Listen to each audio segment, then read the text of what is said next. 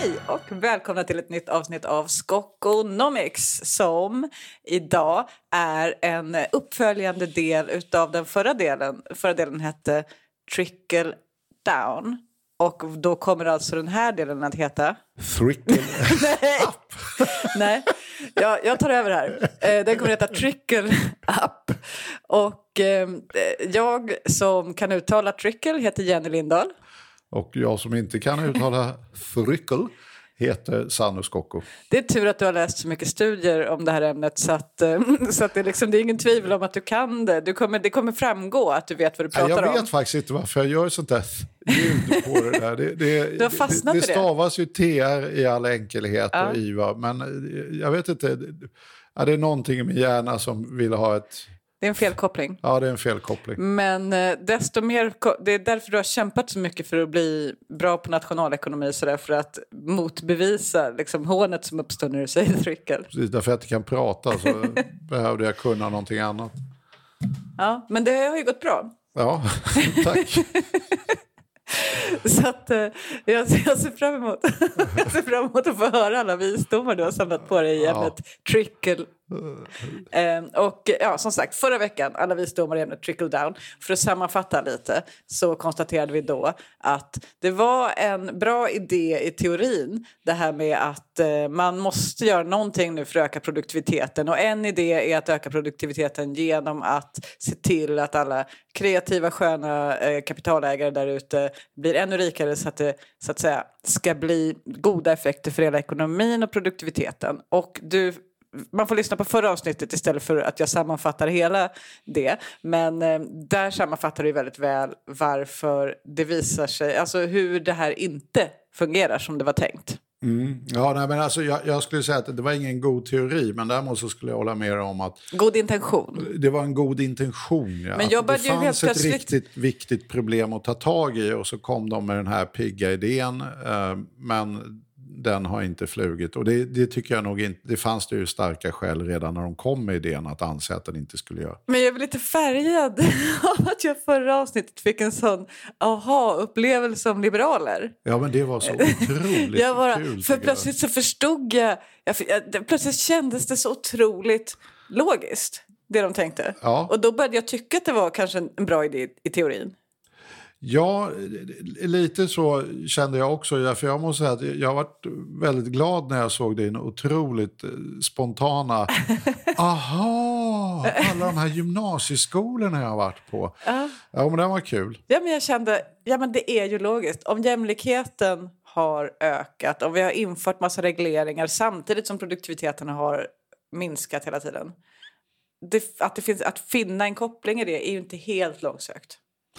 Nej, absolut inte. Alltså, det, det är ju en bra, och det, det är väl lite därför den har sålt så bra, att det är ju en bra storytelling. Att eh, liksom, menar, här har jämlikheten kommit och gjort allting så himla tråkigt och så nu måste vi ha lite rock'n'roll så de här människorna som verkligen är smarta och gör kul grejer tycker att det livet är roligt och då investerar de massa pengar och sådär. Så att eh, storylinen be, betraktat som narrativ är ju rätt eh, elegant. Däremot måste jag ju säga det att de tok misslyckades ju med dig i och med att du snäppade inte narrativet förrän du och jag satt här. Nej, du, det var du som var tvungen att förklara för Ja, mig. vilket det kanske inte var så bra narrativ som jag trodde. Men nej, ändå, nej, ja. men, ja, men alltså, jag har ju förstått vad det är de säger. Men alltså att, verkligen, att, du vet, att det verkligen sätter sig i alltså det landar i en fullkomligt. Mm. Det här är ju självklart att man kan resonera så här, att det här är rimligt att tänka sig.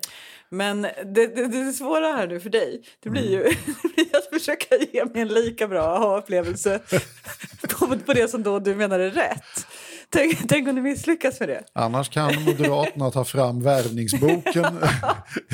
Eh, Men du förstår, det, det, det, är en- det, du såg ju hur glad jag blev när jag fattade. ja, jag såg så det. kan du få mig så glad på det här? Det tror jag inte. Jo, det, det kan jag visst. Det tror jag inte. Det, det kan jag absolut. Nej, men det, nej, men det, det är ju det att vet, det är ju liksom den enkla liksom, modellen kring det här är ju det att det handlar väldigt mycket om sparande helt enkelt. Alltså vad gör människor med sitt sparande? Redan där låter det lite tråkigt. Ja, fast nu talar jag fortfarande om trickle down. Ja. Eh, Att den handlade också väldigt mycket om sparande. Att, vet, att man kunde bara göra en grej med sparandet. Därför, och så ser faktiskt oftast modellerna ut. Att mm. Det finns en liten liksom, ekvation eller om man kallar det att S är lika med I. Mm. Det vill säga att sparandet är alltid likadant med investeringar. Och, och jobbar man med den otroligt enkla modellen att det är så. att Hushållen kan i princip göra två saker med pengarna. Man kan konsumera och då köper man ju prylar. Eller så kan man spara pengarna. Det, är liksom en, det tror jag de flesta människor med en vanlig hushållsekonomi känner igen. Va? Att, ja, men jag gör av med nästan alla pengar med några kronor sparar jag. Liksom. Ja, och då är ju tanken i den här väldigt enkla modellen att de där pengarna de går ju till banken och sen är mm. bankerna intermediärer som det heter. Det vill säga att då lånar sen bankerna i sin tur ut de här pengarna till massa kul människor med idéer. Och Som kan blir... köpa maskiner och börja producera och så. Ja, precis. Och då blir ju ditt sparande en förutsättning för att banken ska ha några pengar att låna ut. Mm. Uh, och då blir det ju i modellen att S är lika med I. Att mm bara banken gör liksom mellanjobbet. Där. Det där är ju en modell som inte funkar av tusen olika anledningar. Ett, så skapas inte lånemöjligheter hos banker genom insättningar av hushållen utan deras sparande. Och för alla som är intresserade av den där komplexa materian, varför banker kan trycka egna pengar, mm. så har vi ju ett antal avsnitt när vi faktiskt försöker reda ut den här mm. grejen. att världen ser faktiskt inte ut så att man... Ja. Nej, för direkt när du säger det, om man tänker sig den modellen, så tänker jag ju att om jag då eh, skulle liksom styra Sverige eller Stockholm eller så, så verkar det ju, om man, om man då är för produktivitet mm. och inte emot, då skulle man ju till exempel då inte sälja ut hela allmännyttan så att alla då måste ta banklån bara för att köpa sin egen bostad som de redan bor i. Ja, men det, där, det där är ju liksom en relevant för att det, det, där har ju egentligen med undanträngning att göra. Då, liksom att om, om till exempel, det är ju en sån tes som finns att om staten eh, finansierar sig själv via underskott och gör investeringar, då suger ju de upp pengar. Mm. Ja, för det är ju liksom mm. pengar som då, ja, i allmänmodellen liksom hushållen lånar ut då till staten. Och då gör de investeringar. Då skulle man kunna ha en sån här föreställning i en sån här väldigt rudimentär modell. Då att, jo, jo, men skulle inte staten suga upp det där, då skulle ju privata sektorn istället suga upp det där via bankerna och då skulle det istället bli privata investeringar. Och då, mm. då får ju de här underskotten bara en undanträngning av privata finansieringar. Så, att, så där kan man ju hålla på och leka. Det, det, det bryter ju ihop lite när, när pengar inte skapas på det sättet som eh, man inbillar sig. Att vi har en sedelpress hos Riksbanken och att man skickar ut de här pengarna och att, att hushållens sparande är en förutsättning för att kunna låna ut. Utan som vi gick igenom i det där avsnittet. Så... Money for nothing heter avsnittet. Ja, det kanske är fan, fan vad bra. Gammal Dire Straits-låt. Ja, och det ligger på Arena Idés podcast. Så gjorde vi när vi jobbade där. Så det ligger på, det, det ligger på det, den podd som heter Pengar och politik. ja, just det, det. har du rätt. Sånt, eh, just det. Nu, har vi, nu jobbar vi på annat ställe och en annan podd som ja, heter Skokonomics. Ja, Men om man går in på Arena Idé och letar upp Money for nothing och en fin omslagsbild med Darin. Är det det det Ja, fan, ja för att du tänkte ju, du tänkte, ja. ja. men jag gjorde ju Men du mm. tänkte ju då att vi skulle ha Dire Straits Money for Nothing. Eh, men då swaggade jag in med Darins Money for Nothing istället. Tyckte ah, jag var kul. Lite mer ungdomlig referens där. Ja. ja. Ja, det är en annan sån klassisk Dire Straits Money for Nothing. Ja, I alla fall Största i det avsnittet pratade vi om just det här på MTV någonsin by the way. Ja, men ja, fast då. Kanske inte är den... Ja, jag tror faktiskt den är den mest spelade genom tiderna där. Men tänk om man jämför med Youtube. Ah, ja, Ja, inte Youtube. Nu talar vi ju MTV som knappt finns längre. Vad jag vet Exakt, det är svårt att få en stor hit där nu. Ja, det är svårt att få det. Men ja, någon där är straight som Money for nothing. Men det avsnittet förklarar vi ju rätt nogsamt då att nej, det, det funkar inte längre. Den här idén, för man måste ju jobba med liksom förenklade idéer för att faktiskt förstå någonting. Så jag är inte alls emot det. Men de förenklade idéerna ska just vara förenklingar och inte helt fel. Helt fel. Därför då hamnar man också jävligt fel när man ja. försöker tänka Nej, men det var ju mycket mycket, jag tror det var många lyssnare som fick aha-upplevelser och lite chockupplevelser efter det avsnittet. För att de bara, hur kan det få gå till så här? Ja, men, eh, det är lite begripligt, därför man, man tänker ju, jag, jag, tror att vi har det lite i själen ändå just det att nej, men staten trycker pengar och sen cirkulerar att de här pengarna. Det finns liksom en slags, att, att, att man tänker att pengen är en representation av ett värde mm. och det värdet finns någonstans. Ja, just det. Eh, typ guldmyntmodellen. Ja, Men eh, det, det, är någon slags bild man har i hjärnan. Mm. Men eh, inte nog med att det inte är så. Det är dessutom ännu värre att det är inte bara Riksbanken utan bankerna bara skapar pengar varje gång de skapar ett lån. Japp. Uh, och att det här då, bankerna kan ju inte göra det här själva, vilket vi påpekade, utan att det är ju systemet i sig som genererar mer pengar. Därför när en bank skapar ett lån så leder det till en insättning i en annan bank. Men mm. det är egentligen inte sparade pengar, utan det är ju bara lån som kommer från en annan bank och så vidare. Så att, nu har jag glömt varför vi tar det här i Eh, jo, det, därför det var att vi jobbar med den här väldigt enkla modellen. Att givet att man har det här liksom, hushållen sparar, bankerna omfördelar till de här glada företagarna.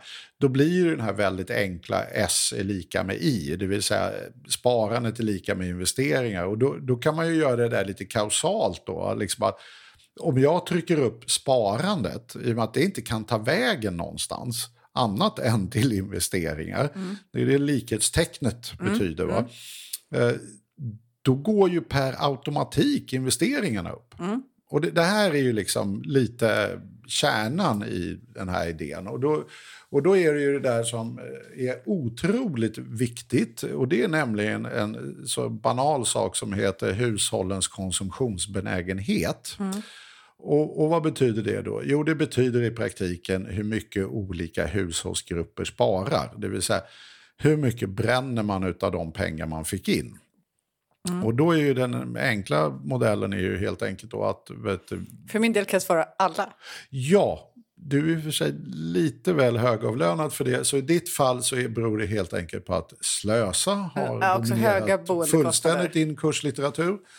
Höga boendekostnader också. Ja, det kanske är det då. Det är, ja. det är en ganska stor del. Ja, okay. ja, det är en ganska stor del. Ja, ja men då, är, då, då, kanske du har en acceptabel ursäkt, annars så skickar vi dig till Lyxfällan. ehm, men jag kan inte vara med i Lyxfällan för jag har inte en sån här spiralformad värmeljusstake på väggen. Som alla i Lyxfällan har. De kanske har med sig den. Ja, just det. Man får en sån. Man får en sån. Som det, är en sån här, det är en sån här fringe. Var med i Lyxfällan och få en ljusstake. Men, men kanske, ja. Nej, men de med din inkomstgrupp nu kanske brukar ändå spara lite. Mm. Men, vet, men vi vet ju till exempel att jag menar, ensamstående mödrar med barn sparar inte spända för de får ju helt jag. enkelt inte ihop. Ja, med låg inkomst ja, var det jag skulle okay, okay. komma till då. uh, och, och det gör ju det att de har ju en hundraprocentig konsumtionsbenägenhet. Mm. Eh, men däremot är man eh, Warren Buffett, en av världens rikaste människor, så är det lite så att det där gänget de konsumerar ju vad de konsumerar redan. Uh, och de har ju då istället en extrem hög sparbenägenhet. Mm. Och förändringar i deras inkomst påverkar liksom inte deras konsumtionsbenägenhet i den meningen att de skulle öka den. Att, titta, nu har jag... Det, sådana vanliga människor är ändå du och jag. Att skulle vi plötsligt få dubbla inkomsten då skulle vi förvisso spara mer, det skulle vi nog göra. Men vi skulle nog också bränna eh, mer pengar. Definitivt. Definitivt. Det kan jag svara ja på direkt. Ja, det, du, bur 1 sa ja på det. Ja. Jag, jag kan också, dressinen säger också ja. Det finns säkert en gräns där man inte längre skulle bränna pengar. Det gör ju det. Och är man miljardär då har du liksom passerat den då gränsen. Har man blivit har man, då, då ha, blir man inte helt psyched över uh, att få köpa den där grejen. Nej, du har ju redan din superjott och du har redan dina tre, ja. fyra hus och ja, sådär. Va? Börjar bli nöjd. Du, ja, eller du har inte kommit på någonting du vill köpa helt enkelt. Uh, så att det, det, är det som helt enkelt händer då. Då skulle om, man ju börja köpa, köpa mer pengar med pengarna. Eller makt möjligen.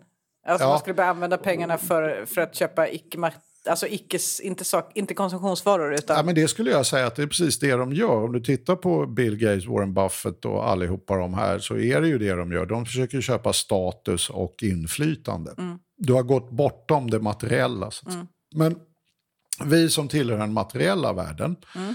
eh, vi förändrar ju vårt beteende. Och då kan man ju säga det att det som händer då, när, när, när, du gör den här enorma inkomstöverföringen som vi har gjort internationellt i hela världen ifrån de här som har närmast 100% i konsumtionsbenägenhet till de här som liksom har närmast, ja, om de är riktigt superrika, börjar ju säkert närma sig 100% sparbenägenhet. Då borde konsumtionen drabbas. Då drabbas ju ett konsumtionen, men sparandet går ju också per automatik mm. upp. Uh, och då får vi ju, enligt den här gamla lilla ekvationen, då får vi ju helt enkelt mycket mer investeringar. Så länge S är lika med I, då mm. får vi ju mer investeringar. I och med att vi, har ju, vi har ju gett mycket mer pengar till människor som sparar en mycket högre andel av sin inkomst. Om vi då tänker att det är det sparpengar alltid går till? Det är det som är då lite kruxet. Och, och, och, och det, det, här är ju det, det här är ju det sambandet som fullständigt brakade samman då i trickle down. Uh, oh, jag ansträngde mig faktiskt. Otroligt! Vad trevligt det blev. Man kan lära gamla hundar sitta. Men, uh, men då, då händer ju det, vilket man nu upptäckte, att det finns två saker man kan investera i. Uh, och det ena är då maskiner och det vi kallar då vanligtvis för investeringar. Men sen kan man göra vad vi skulle kunna kalla för finansiella investeringar. Mm. Och det är i praktiken att man ger pengarna till finansiella sektorn och hittar på någonting med dem. Uh, och då är ju frågan då så att säga, ja men om de här människorna fick dubbelt så mycket pengar nu, de hade en miljard över förut, nu har de två miljarder över. Men tricket var att vi ju snodde ifrån kylskåpsköparna, snodde vi ju pengarna. Därför det var de här med 100 konsumtionsbenägenhet som blev av med pengarna. Rent matematiskt faller ju då konsumtionen och den faller ju med, beroende på hur mycket man har snott helt enkelt och flyttat över. Eh, och då händer ju det att då kanske inte behövs bygga så mycket nya kylskåpsfabriker. Om vi sålde 10 000 kylskåp förut mm och, sen så, och det var liksom de här konsumtionsbenägna människorna som höll på att köpa kylskåp. Och sen snodde vi pengar av dem. Då kommer ju de sannolikt köpa mindre kylskåp än 10 000. Mm. Men de här som skulle bygga kylskåpsfabriker, de har ju fått mycket, mycket mer pengar. Så nu ger de banken de här pengarna och säger här har ni två miljarder istället för en. Och det är ingen som vill bygga en kylskåpsfabrik? Nej, så det finns ingen sån att låna ut dem till? Nej, därför de där som köper dem finns ju inte där. Uh, och då är ju ingen poäng. Alltså, kylskåpsfabriker... Då, har ju fortfarande det med miljonerna. miljonerna. Ja, kylskåpsfabriker. Och det, det, här tror jag verkligen är klon i det här. Man, man missuppfattar det. Kylskåpsfabriker byggs inte därför att det finns pengar att bygga kylskåpsfabriker. Kylskåpsfabriker byggs därför det finns en efterfrågan på kylskåp. Ja. Då, när, jag, när jag har min fabrik som gör 10 000 kylskåp och så upptäcker jag wow, jag behöver 15 000 kylskåp. Då bygger man en fabrik till. Det spelar ingen roll hur mycket pengar det finns i hela världen. Finns det inget behov av de där kylskåpen så byggs ingen fabrik helt enkelt. Och då blir ju lite kruxet, vad gör vi då med pengarna? Mm. Uh, därför här står ju då de här Wealth Management Funds och allihopa med ett jätteproblem. Jo, vi lånar ut dem till hushållet. Uh, och de tycker att ja, men det är kul. För då skulle hushållet kunna köpa ett kylskåp? Exakt, och hade inte den här grejen funkat, att banker och andra då via olika transmissioner faktiskt återförde pengarna mm. till hushållen, men nu istället för lön mm. som lån det känns som att det vore enklare om man inte... Hade snott dem till att börja med. Exakt. Det, det är en tes som jag också driver. Det, det känns det, spontant lättare. Det känns som att det skulle vara lite mer rakare och också alla skulle väl egentligen bli gladare, lyckligare tänker jag om, om man slapp eh, ojämlik, ökad ojämlikhet och sen låna ut pengar till de som drabbas i praktiken för att klara av att upprätthålla konsumtionen igen. Därför löneinkomsterna räcker inte längre Exakt, för att bära. för de som sitter på toppen av det här maskineriet de drabbas ju ändå så att säga, i slutändan av den här ojämlikheten i brist på efterfrågan. Ja, framförallt Eller finns det ett, ett, ett, ett, gigantiskt aber med denna modell. Och det är ju nämligen det att den är inte långsiktigt hållbar. Att hushållen kan inte ständigt öka sin skuldsättning för att upprätthålla sin konsumtionsnivå och bli bara skyldiga mer och mer pengar till top one. Därför det är det som händer idag. Mm. Alltså de som sitter på de här skuldsedlarna, vi gör världen så komplex, va? men i praktiken så är det så att the bottom 99 mm har, har sett att stora delar av deras inkomster har flyttats över till topp 1 och framförallt topp 01. Då har topp 01 lånat tillbaka de här pengarna och då har, då har de här The Bottom 99 fått skriva massa såna här så kallade IOU. Mm. Och håller man det här så enkelt så förr eller senare så är ju de här IOU-lapparna alldeles för många för vad de här egentligen tjänar i inkomst. Men är det verkligen så att det lånas ut massa pengar till annat än sånt som det finns säkerhet för? Okej, jag har också sett det Big Short, men ändå. Alltså ja. fastigheter är ändå någon sorts säkerhet, även om det är så här usla lån och man kan inte betala räntorna och så. Men alltså, är det inte så att i allmänhet så sker utlåningen för att man ska köpa en kapitalvara eller en fastighet? Ja, fast det är ju både och. Vi har ju även en eh, liksom, exploderande konsumtionslånesida och så vidare. Just det, och det pratade vi om i något avsnitt också, just hur, det, kan, eller det kanske var i Bostadspodden, Bostad 2030-podden, mm. men just om hur hus, hushållens belåning såg ut. Men att man belånar hus för att köpa annat. Det är det man använder, jag tror det var Riksbanken som myntade det begreppet. Man använder fastigheten som bankomat. Mm. Och, och tittar man på hur äldre som har varit rimligtvis rätt länge på bostadsmarknaden, hur deras nylånesituation när de tar nya lån, mm. för det här har vi nämligen inte data på allting. Va? Men vi vet vad de lånar när de ska ta nya lån. Och då blir man ju lite mörkrädd, va? därför att de fortsätter att ha väldigt höga lån. Och gissningsvis är ju förklaringen då eh, ny bil, ny sommarstuga, eh, pengar till barnen att de ska köpas in på marknaden. och så här. Men det gör ju det att även äldre som byter bostad faktiskt har förvånansvärt hög eh, skuldsättning. Men om, om de är äldre så är ju snart det inte deras problem. Nej, däremot så tror jag att vi kan ha, men det är lite off topic. Va? om vi nu talar skulder så kan, tror jag vi kan faktiskt ha en problematik med människors vars pensioner blir faktiskt mycket lägre än vad de kanske hade gissat och där de har tagit på sig skulder. Så att då kanske det blir barnen Just som får det. pröjsa tillbaka lite. Precis, och man har höga räntor och ja, alltså man sitter här... på tre miljoner i skulder och ska betala ränta varje månad. Och, och det här, även om jag, men, jag har ju haft fel, det ska jag bara erkänna villigt. Jag ska dock samtidigt säga, till skillnad mot alla som inte erkänner att de har haft fel, hade de mycket mer fel än vad jag hade. Därför att det här med nollräntor är ju jättekoko och det styr ju helt enkelt priserna på fastigheter. Och jag var ju den som var mest pessimistisk när det begav sig med nollräntor och trodde att det här kan vi nog få leva med ett tag därför arbetslösheten är låg och centralbankerna har de här mål. Så jag gissade ju två, tre år och centralbankerna och inte minst vår egen riksbank trodde att vi återgår till någon normal ränta om typ 12 månader och sådär. Men jag måste ju säga det att jag trodde ju aldrig att vi mer eller mindre skulle ha nollräntor i tio år. Det är, det är ju ahistoriskt. Alltså det, vi har ingen tidsperiod någonsin i världshistorien som ser ut så här.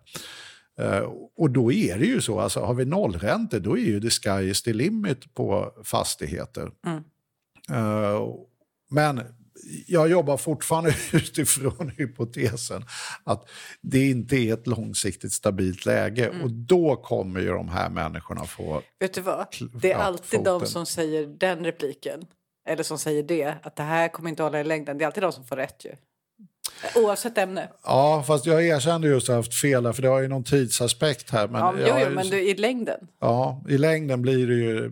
Ja, men det här är ju jättekonstigt. Det, alltså, det, det ska inte funka så här. Det, det, det, är ingen logik i det. Men då finns det en logik i det här som bland annat då eh, den här studien utav, eh, som jag nämnt tidigare från Princeton och Chicago och Harvard eh, The Rich Saving Glut, där de just pe pekar på det här. Det, det, finns helt enkelt ett överskott på pengar.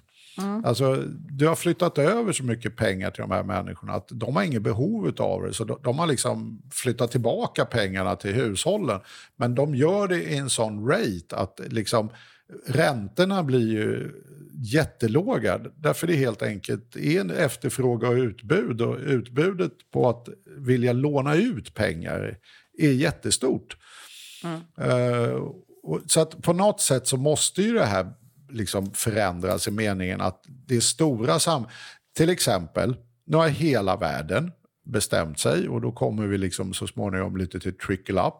Att hela världen har ju bestämt sig för att vi ska minska ojämlikheten. Mm. Alltså det, det är ju inte bara vi som tycker det i Sverige eller de politiska partierna i Sverige, utan det här tycker OECD, IMF och liksom, till och med det här Davos-gänget eh, som består av företagsledare tycker att ojämlikheten är bekymmersamt stor. och Så, där. så att det finns ju faktiskt närmast en konsensusbild eh, att ojämlikheten har blivit alldeles för stor. Eh, mm.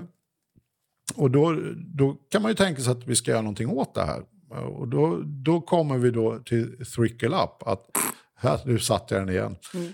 Eh, då kommer vi då till trickle up. Och, och det är ju liksom att men om vi ska ändra det här, då måste vi ju ändra tillbaka massa saker som vi ändrade när vi skulle besnatta det här gänget. det bra 99 procentarna skulle besnattas och liksom flytta över de här pengarna. Och det, det, det, kan man ju inte göra om man är en stat sådär, genom att helt enkelt bara skicka ut presidenten eller statsministern med en pistol på gatan. Va? Utan det sköter man ju genom institutionella förändringar. Mm. Uh, och, de stora institutionella förändringarna var ju det att man ett kraftigt försvagade löntagarsidan, alltså mm. förhandlingsmakten för löntagarsidan. Vilket gjorde att man kunde pressa tillbaka lönerna och då hamnar ju mer pengar eh, i fickorna på de som äger bolagen, det vill säga top one om man ska förenkla det lite. Mm. Eh, så det var ju ena metoden. Men den metod som framförallt har varit drivande de senaste, ja det blir ju sedan 90-talet, alltså det blir typ nästan 30-25 åren. Det har faktiskt varit staten. Mm. Alltså staten har ju rånat sina egna stackars bottom 99 genom skatte och transfereringsförändringar som det heter. Och det är ju förändringar i arbetslöshetsersättning, a-kassa och så vidare. Och sen eh, inte minst pensioner och sen har man då gjort motsvarande förändringar på statens så kallade intäktssida, det vill säga skatter. Man har tagit bort förmögenhetsskatt, kapitalskatt, arvsskatt och så vidare. Va? Och det här är ju en väldigt bred internationell... Och, och det är ju en metod att helt enkelt flytta över pengar till top one i huvudsak. Men då är vi fortfarande på trickle down. Ja, och, då är, och det är det jag menade att när, nu kommer vi då till trickle up. Alltså hur, hur gör vi då trickle up? Ja, en del är ju det här att ja, men löntagarna måste stärkas igen. Det är ju, det är ju ja. faktiskt en av Bidens stora paradnummer. Att okay, vi, nu är det en orättvis situation mellan löntagare och arbetsgivare. Och det där kan man ju liksom diskutera just även utifrån teori. Att arbetsgivaren har mindre att förlora i en förhandling som är enskild med en individ än vad individen har att förlora. Så att det gör ju det att förhandlingsresultatet kan ju tendera då att bli egentligen under marknadsmässigt. Att mm. Egentligen för att det här skulle bli en marknadsmässig lön, då skulle ju då båda ha samma information, det vill säga perfekt information, de ska vara lika starka parter och så vidare. Uh, och i och med att det här den här situationen mellan en enskild löntagare och en typ IBM eller något stort bolag uppfyller ju inte de här villkoren och då kan ju helt enkelt löner pressas under marknadsnivå i praktiken om man inte har någon som då balanserar upp det här ojämlika maktförhållandet. Mm. Och det skulle jag säga är precis vad vi har sett. Alltså att eh, löntagarna har försvagats så mycket att man har kunnat liksom pressa tillbaka löner under vad som egentligen är marknadsmässiga löner. Och det gör ju det att hur ska vi kunna göra någonting åt den här situationen? Ja, det finns ju inget annat sätt än att förstärka förhandlingsmakten hos löntagarna. Och det har ju även eh, Mr Biden insett. Alltså han, han driver ju nu en oerhört stark eh, pro-union-linje. Mm. Och ska göra massa reformer de första hundra dagarna för att stärka fackföreningarna. Och det, och det roliga med det här är att det, det, det kan ju uppfattas så konservativt idag. Att man säger oh, ni vill bara gå tillbaka till hur det var förut. Ja, eller inte. Därför att förut så var det som det var förut fast nu. Det vill säga att vi hade ett förut som var precis som nu och det var mellankrigstiden. Mm. Och den stökade ju till sig rätt mycket. Och då sa man, som vi har det nu ska vi inte ha det. Mm. Och då var ju det här med Bev Beveridgeplanen och allt det här som jag har tjatat om i all mm. evighet.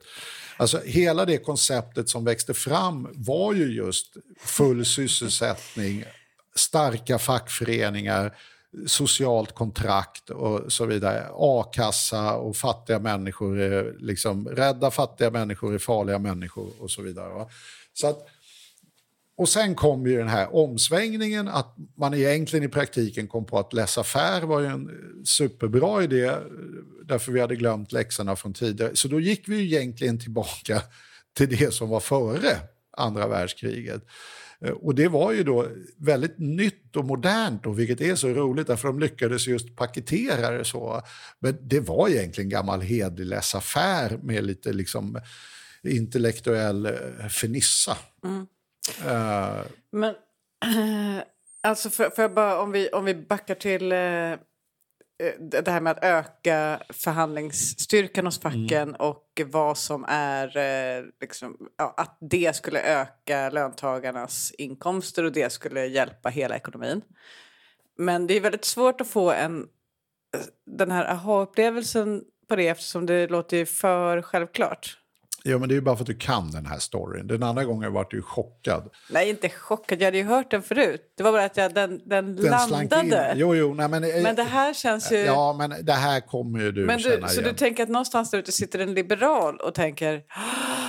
Det, det, hoppas vi naturligtvis på. Vi har ju haft en del liberala lyssnare genom åren. Men, men lite så är det. Och då kan man ju undra så här, varför är det här så viktigt? Då? Därför började vi inte en gång i tiden, förra podden, med att säga att det är produktiviteten som är grejen. Mm. Uh, och att lösningen på trickle down var just att öka sparandet, därmed öka investeringarna. Va, hur, hur ökar det här investeringarna? Mm. Uh, och då är det ju en annan, då, jag gillar ju att ha små studier i bakfickan. Det finns ju den här studien som jag nämnde då förra gången också utav Erber, Fritsche och Harms eh, där de då skriver om the global productivity slowdown, eh, diagnosis, causes and remedies. Mm. Eh, där kan de då isolera, därför de har gjort en stor sån här länderkomparativ studie, att där kan de isolera ett kausalt faktum, och det är rätt intressant faktum. Det är nämligen det att den föregås, den här produktivitetsnedgången, utav en minskad efterfrågan. Mm. Att liksom, det, det orsakssambandet ser helt enkelt ut som att först kom den minskade efterfrågan. Sen kom backlashen på produktivitet. Mm. Det är väl en kronologi, inte ett orsakssammanhang? Nej, de menar att det här de är kausalitet. Det, ja. De menar att det är ett orsakssamband. Alltså det är så man gör. Det så man jo, gör. jo, men du sa... Okej. Okay. Ja. Nej, men det, nej, det, nej, men det, kronologi är ju just att det här händer och det här händer. Statistiskt så kan man använda metoder för att definiera det huruvida just det är bara kronologi mm. eller om det är ett orsakssamband, det vill säga mm. det finns kausalitet. Och då är kraven naturligtvis mycket högre om man ska mm. bevisa mm. kausalitet däremellan. Det var ju för övrigt den här Rich Saving Glatt har ju också gjort en kausalitetsstudie. De, de mm. menar att överföringen till rikingarna orsakade hushållens ökade skuldsättning. Mm. Så att det är också ett orsakssamband. Mm. Och här är samma orsakssamband.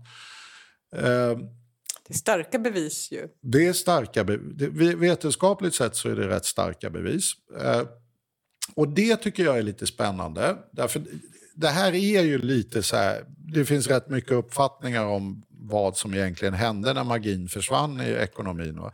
Men det här tycker jag är hyggligt plausibelt. Va? Därför att hur, och det vet man ju när man tittar på produktivitetsutveckling, att det är ju att man implementerar just ny teknik, nya arbetsmetoder och allt det där. Man gör någonting mycket smartare och så det smarta kan vara inbyggt i att maskinen är mycket smartare, men då är det ju någon ingenjör som har byggt en mycket smartare maskin som kunde mycket mer. Så att då blir ju på något sätt kunskapen i maskinen egentligen, investeringskunskapen är ju större i maskinen om det var någon som kunde massa saker som den förra killen som byggde en maskin inte kunde.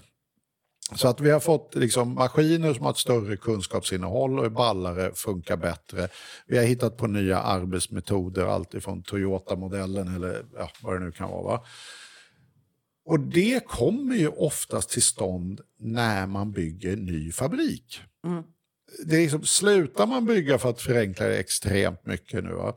slutar man bygga nya fabriker, då kommer också den här teknikutvecklingen och produktivitetsutvecklingen att stanna av. Därför att vi bygger tusen kylskåp, den funkar, mm. men riva hela fabriken, köpa nya maskiner.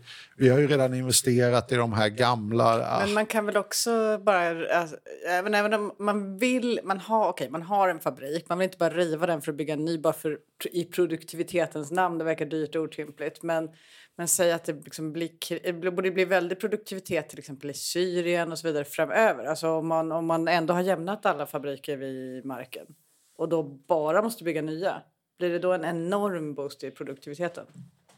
Ja, det, alltså det blir ju det. Vi tittade ju på det, eh, Eva Alfredsson som eh, forskar om klimatfrågor. Vi gjorde ju en studie och så vart vi ifrågasatta på den där studien därför vi hävdade att eh, enligt gamla Solo-modellen att tekniken är global. Mm. Och att den här idén om att det fanns eh, så mycket bättre koldioxidteknik i västvärlden än det gjorde i vet, till exempel utvecklingsländerna. Det var ju liksom en av de här huvudteserna.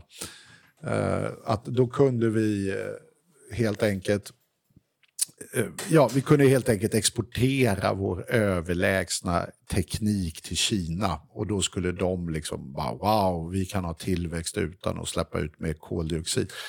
Vi, vi, vi hittade ju inga sådana samband när vi tittade på makrodatat och så, då, då, så vart vi ifrågasatta och vi, SCB e dömde för övrigt av frågan och det visade att vi hade räknat fel, eller rätt och Konjunkturinstitutet hade räknat fel. Ja.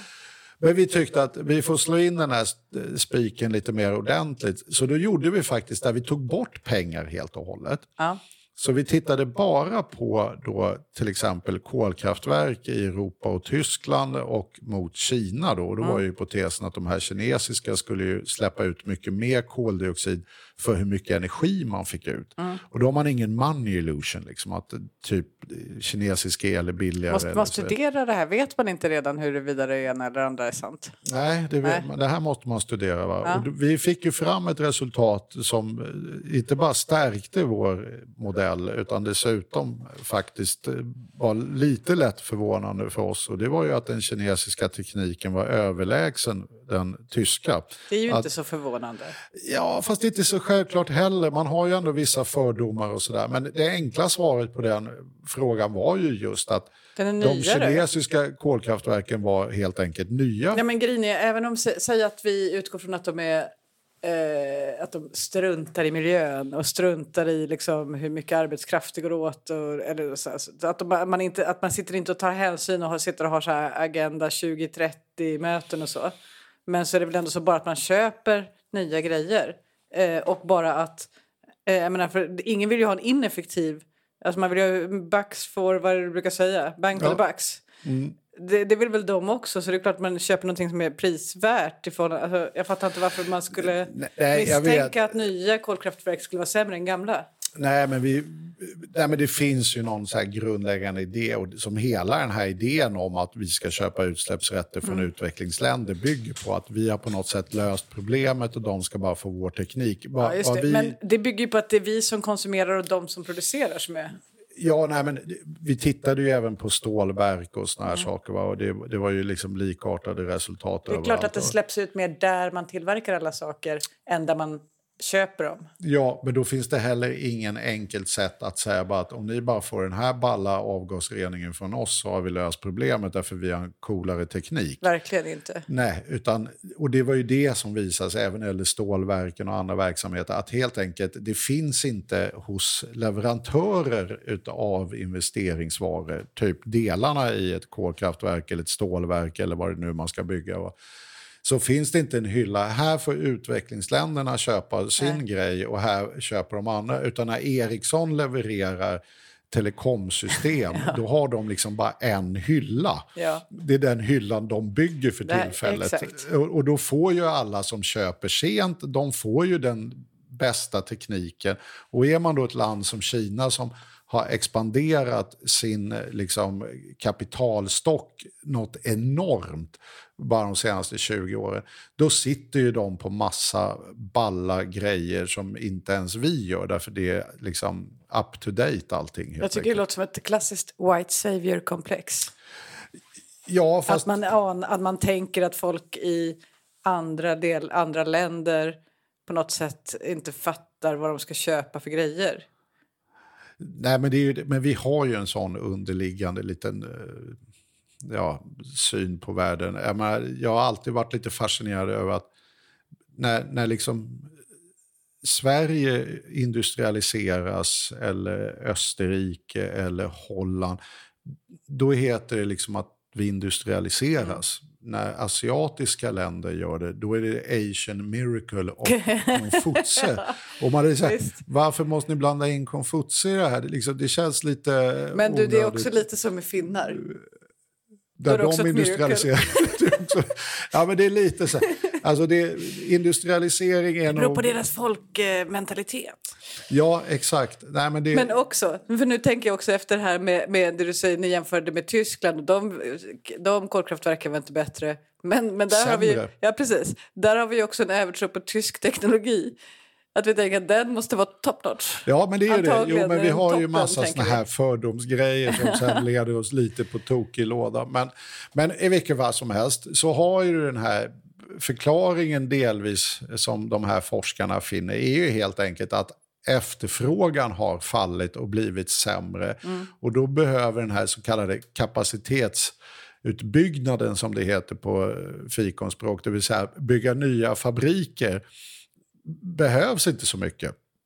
Uh, och då blir det inte lika mycket ny ballteknik. Uh, och, det, och det verkar ju, tycker jag, en rimlig förklaring. Så det, det, trickle up är ju helt enkelt att ett, vi, vi måste ju bort ifrån att vi flyttar pengar mm. som leder till massa ohälsosamma effekter från the bottom 99 to top 1 tillbaka till the bottom 99. Och det får man använda samma gamla hedliga institutionella instrument som vi en gång gjorde när vi gjorde det då positivt efter andra världskriget.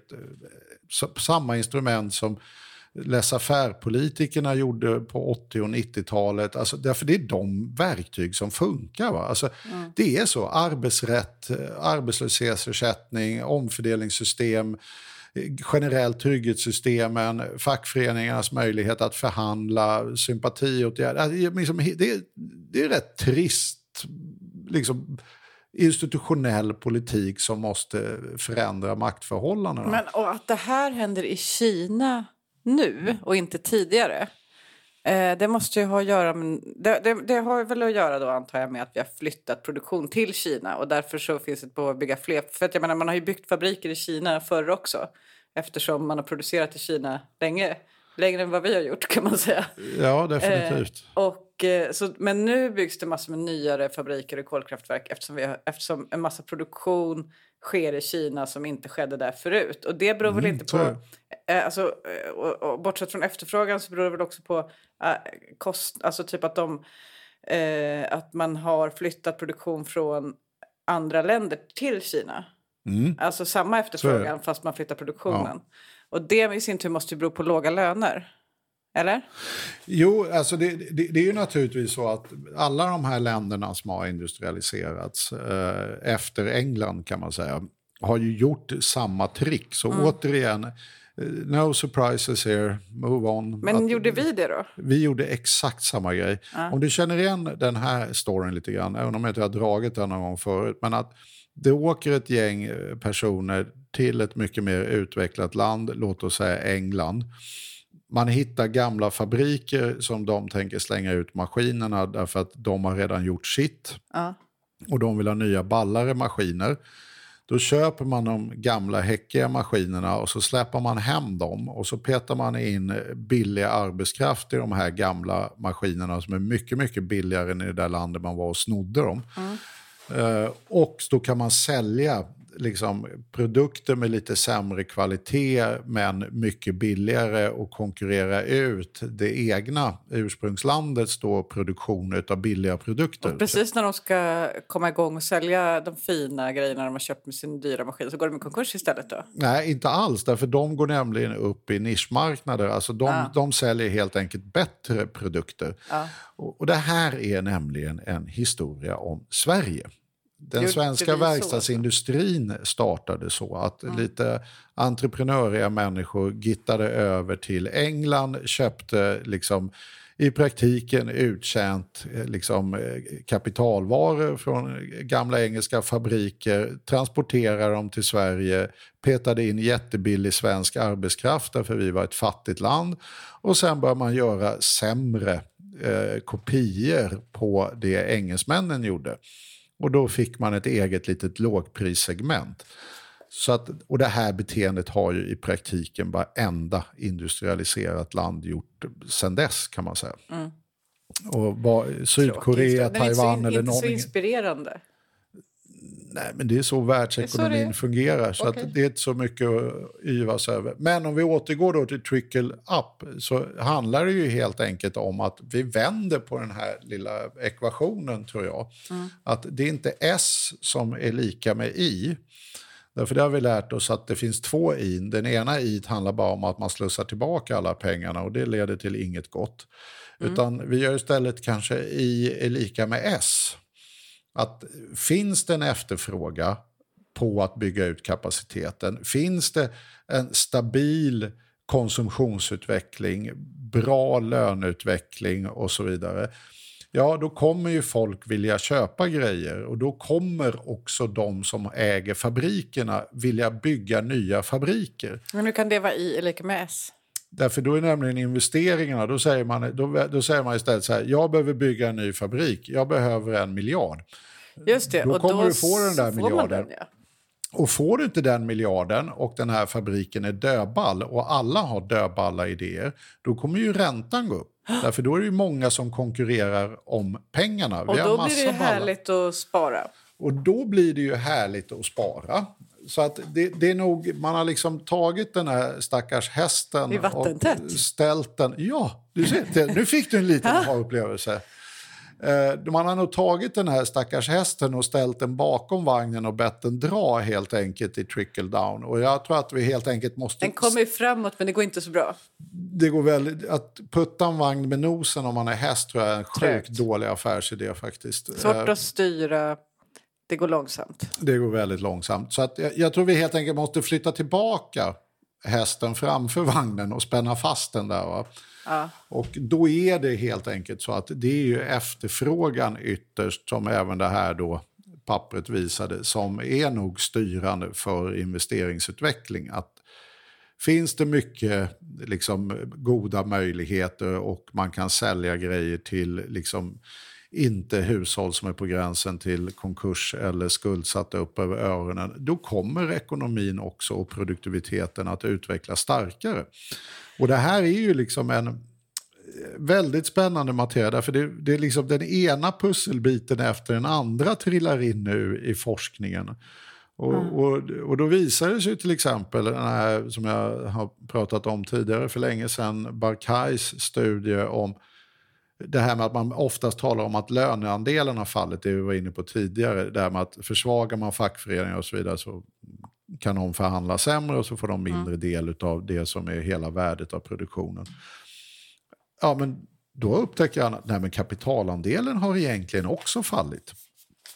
Och det var, inte, det var en rätt kul matteövning, därför då har han helt enkelt tittat på att Ja, men låt oss säga att vi har prylar i den här liksom, eh, fabriken för en miljard. Maskiner och annat smått och gott.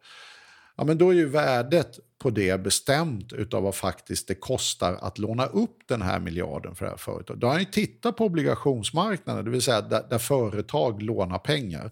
Och så har han sagt så här, okej, okay, hur mycket kostar det att låna ihop hela den här kapitalstocken och betala för den? Ja, men det kostar så här mycket.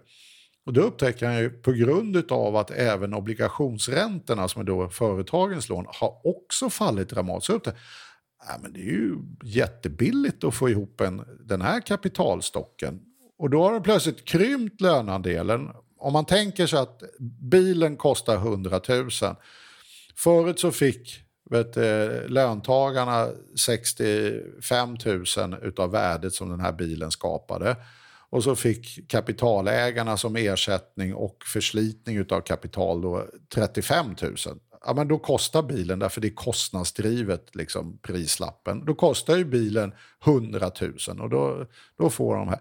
Ja, men nu säger vi att vi pressar ner den här löneandelen till 60 000 istället genom att försvaga löntagarnas förhandlingsposition ja, men då ökar ju det som då är ersättningen till kapitalägarna. Och det hade ju varit faktiskt rätt rimligt om det hade blivit väldigt dyrt med kapital. Men det Kaj visar ju att vi lever i en tid där det är sjukt billigt med kapital. Så då räknade han ut vad kostar det egentligen då att ersätta det här kapitalet. Ja, men det var bara 20 000. Så nu borde ju bilen kosta 60 000 vad lönekostnaderna är och säg 20 000 vad kapitalkostnaden är. Men bilen kostar fortfarande 100. Mm. Och då blir ju plötsligt en sån här ren övervinst på 20 000 där. Därför att den har egentligen ingen bas i kostnader och den räknas ju in den här övervinsten i kapitalandelen. Mm. Det är ju därför kapitalandelen har ökat. Men det motiveras inte av ökade kapitalkostnader skulle jag beskriva hans case som. Att det här är övervinster. Då Men om, man... om det då blir en Ja, förlåt, du ska bevisa det här nu eller? Ja, lite grann. Jag ska bevisa varför företag beter sig som de gör. Om, om vi är medvetna om det här så låter det här egentligen, om man är så här market dude, lite konstigt. Därför att om det nu var övervinster, så här stora övervinster, då skulle ju liksom någon annan komma på, men vänta nu, jag kan ju låna ihop den där miljarden för 20 000. Jag pröjsar samma löner som alla andra, ingen lönedumpning här inte. Så de ska ha 60 000. Jag har då lagt ner 80 eller den kommer kosta 80 000 och jag kan sälja den för en hundring. Även om den går ner till 90 så gör jag en övervinst mot vad jag egentligen får någon annanstans för mitt kapital. Så att då skulle ju massa människor hoppa in på den här marknaden helt enkelt och konkurrera ner den här Exakt. priset till 80 000 som speglar kostnaderna. Det var det jag skulle ja. så här, ja, invända. Ja. Nej, nu har du sagt det. Ja, nu har jag sagt det. Mm. Ja. ja. men så är det ju. Och, och, och det där blir ju lite lustigt då därför att varför gör inte folk det här och vad gör bolagen i så fall för att försvara den här liksom, övervinsterna som de har? Jo, de blir jättestora. Mm. Poängen är ju det att en marknad ska ju fungera så att alla är pristagare som det heter. Det är ingen som kan påverka priset.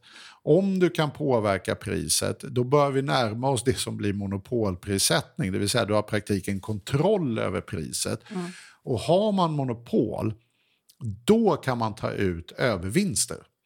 Och det är precis det de har sett nu, att det som har drivit den här koncentrationen av bolag är inte skalfördelad, det vill säga att det blir smartare att producera. Vi kan liksom få ner enhetskostnaderna. Vi producerade 10 000 bilar förut och nu producerar vi 100 000 och då har det blivit mycket billigare att sprida ut de här kostnaderna. Och det är det man brukar kalla för skalfördelar. Då, att storlek gör att det faktiskt blir bättre. Och det är ju rätt entydig forskning att de här storleksnivåerna vi har nu på de här jätteglobala företagen motiveras inte av en sån logik. Och det finns det även en massa mikrostudier på att de blir inte bättre på att producera. Och då måste det finnas någon annan logik som driver att de är så sugna på att bli jättestora, därför det är de helt uppenbarligen. Va? Mm. Och den logiken är helt enkelt att du kan ta ut överpriser. Du kan, du kan liksom snarare tvärtom inte konkurrera bättre utan du kan börja styra konkurrensen och kontrollera konkurrensen. Det jag sitter och funderar på då, när du säger det, är ju varför det då... Det, det känns ju som att det finns en eh, snabbare och rakare och enklare väg för företag att uppnå den positionen i den, den ekonomi som rör... Om jag tänker på Google, Microsoft, Apple, eh, Facebook, eh, teknikjättar. Mm. Alltså de som inte säljer, men inte om de säljer, nu är Apple lite ett undantag i och för sig, men om de säljer telefoner då finns det fortfarande en konkurrens. Men Mm. om de säljer sökmotortjänster då är det lättare att skapa den här världsdominansen. Alltså man tittar på Facebook Mm. och Google till exempel, de har ju total dominans över sina, det finns inga konkurrenter kvar. Eller det gör det, du kan go- bing, bing-googla, men det är ingen som gör. Nej, det funkar mycket sämre nämligen. Ja, även om det inte skulle funka sämre så är det liksom så... Eh, alltså det är bara, man har bara tagit... Eh, all, man har tagit allting, allting gör att man hamnar på Google så att säga ändå. Ja, nej, men det, det är ju så det är. Man har också det, köpt alla andra tjänster. det här är ju en, en så kallad nätverkstjänst. Va? Men varför är det... Varför är det oj, förlåt, nu satt jag förlåt. Mm. Varför är det så mycket lättare än... Varför, för samma sak gäller ju inte eh, läskedrycker. Där har de ju slagit länge av världsherraväldet. Men det är ingen som vinner. Ja, men oftast är det sig Coca-Cola och eh, Pepsi. Ja, det är bara två kvar. Ja, och det är ju de som... Så att de har nog också rätt mycket prispåverkan vad, vad de väljer. Men, det, Mm. Men de jag, kan ju fortfarande priskonkurrera med varandra om de vill. Ja, till en viss gräns, ja. Men jag tror de är rätt medvetna. Ungefär som våra svenska kära banker. De är väldigt medvetna när de drar igång ett ränt. De skulle ju kunna ha lite bättre konkurrens och därmed mycket lägre bolåneräntor. Ja, men där, sä- Säg att det är en slags korruption i det systemet och att man lite grann är överens, att man inte priskonkurreras. nej, men alltså, men, jag, men, alltså jag typ, skulle... men det finns väl andra, alltså det finns väl andra, tänker jag. Det finns så många olika typer av produkter och Ja, men man kan säga, när, när du har ett antal namngivna, vilket vi har i vår banksektor, ett antal namngivna företag som man vet kontrollerar hela marknaden, då skulle jag kalla det för att, för att inte få det att låta allt för konspiratoriskt. De har en inbördes strategisk interaktion med varandra om prissättningen. Sen kan den vara implicit, det vill säga att den är outtalad. De fattar att Höjer jag nu hänger de andra efter, sänker jag hänger de andra efter. Oj, nu gör de där det där, då kommer jag göra det där. De, de reagerar på varandras beteende. Det är till exempel som om jag skulle, jag, om jag ska jobba med valstrategi, Ja. om jag då skulle ta hänsyn till en total rödgrön väljarskala och i mitt huvud dela upp det mellan oss i Vänsterpartiet och Miljöpartiet, Socialdemokraterna och så vidare. Och sen också försöka vibba av huruvida de har gjort samma uppdelning. Det är Inget ord har växlats men det finns Nej. en automatisk strategisk samordning. Det, det gör ju det. va. Eh, och det ska ju helst inte vibbas av, eller det ska bara vibbas av det, för annars är det ju kriminellt. Det vore ju konstigt om man inte vibbade av någonting för att det, för att det i så fall skulle vara samarbete. För man, man är män, man är, men en mänsklig hjärna kommer ju vibba av. Ja, men det är ju helt orimligt att tänka sig att storbankerna i Sverige inte följer väldigt noga de andra bankernas prissättning. Att de skulle ha så här, Det- vi tänker inte kolla, för Nej. det vore oetiskt. Ja, och det, så är det inte på en marknad. Alltså, man måste förstå det att konkurrens är inte att två jätteaktörer håller på och vibbar av varandra. Därför då är det inte en marknad. En marknad ska karaktäriseras av tusentals aktörer. Och där marknaden på ett magiskt sätt skapar ett pris och där varje aktör inte har någon som helst påverkan att kunna påverka det här priset. Det är liksom en marknad.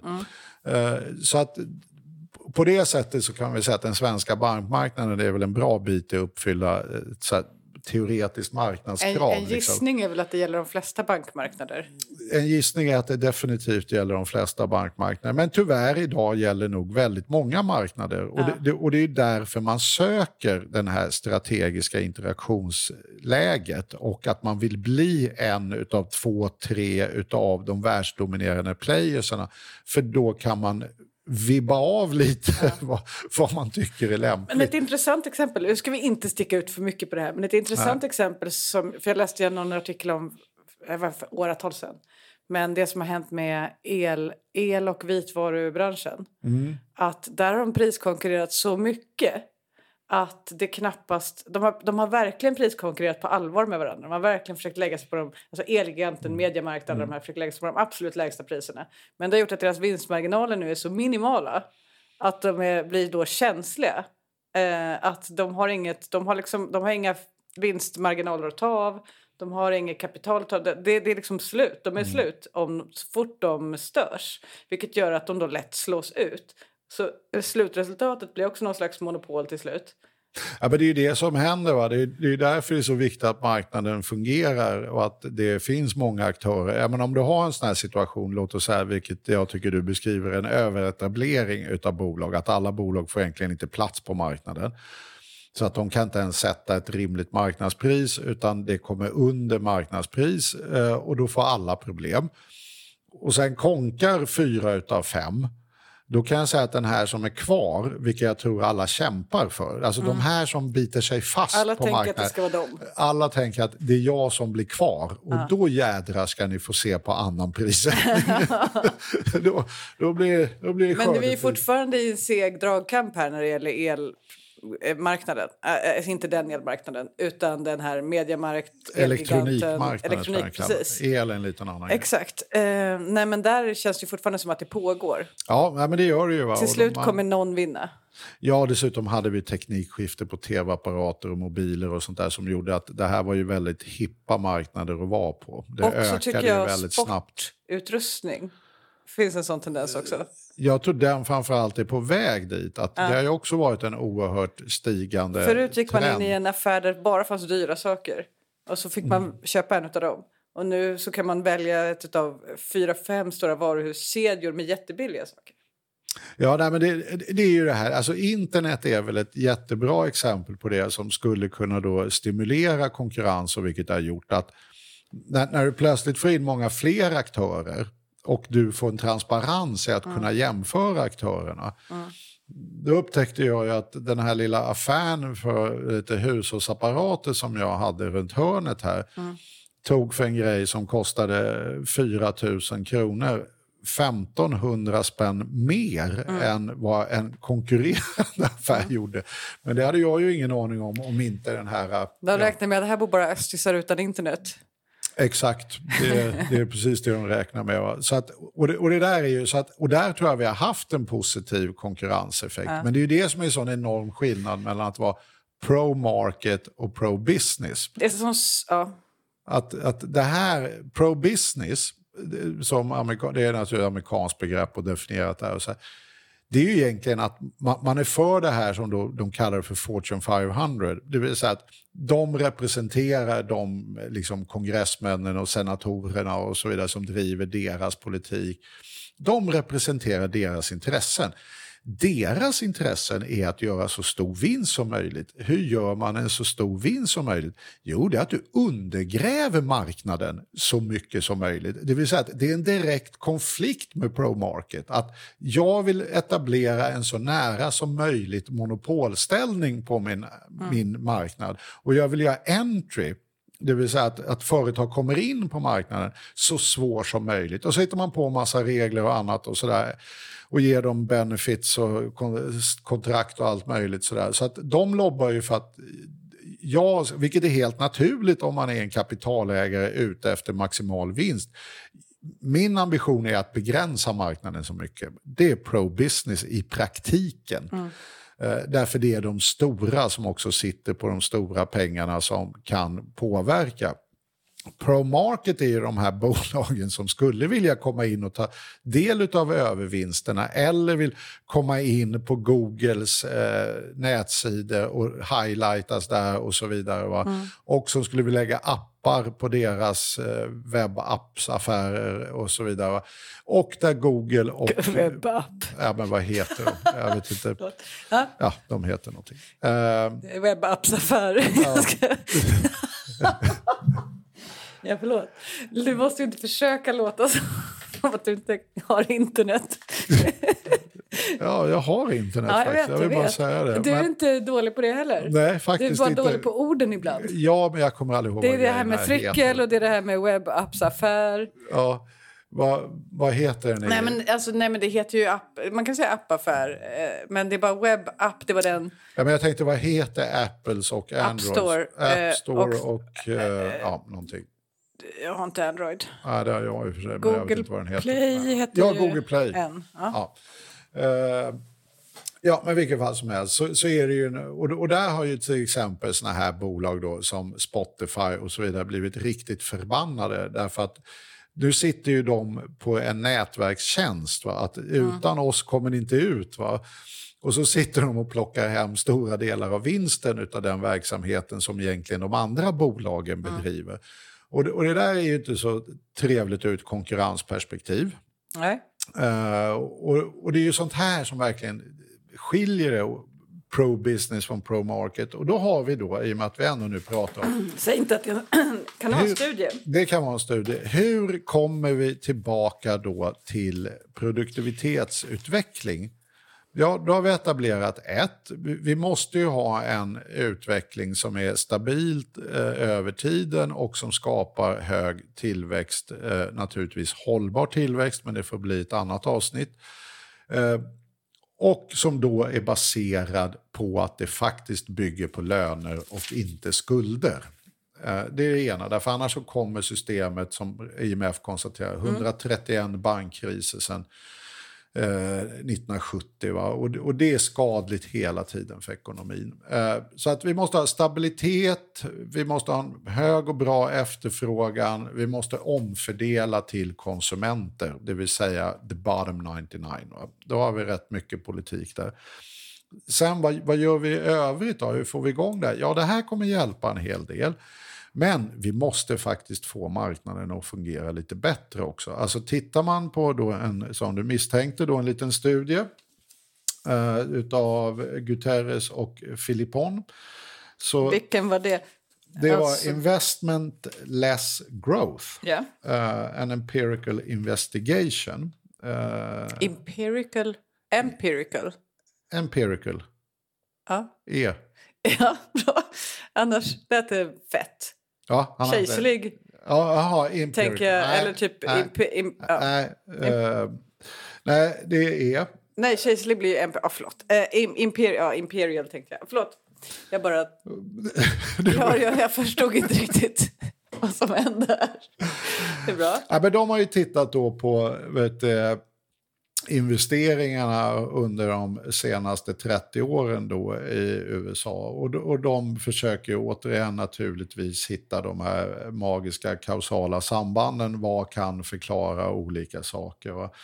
Och då konstaterar de ju det att företag då som har less entry, det vill säga eller företagssektorer med less entry, och det kan ju till exempel vara att det är väldigt dyrt att komma in eller väldigt vet, eh, kunskapsintensivt eller patentskyddat. Det kan ju vara olika, så att säga att det gör svårt att komma in på marknaden.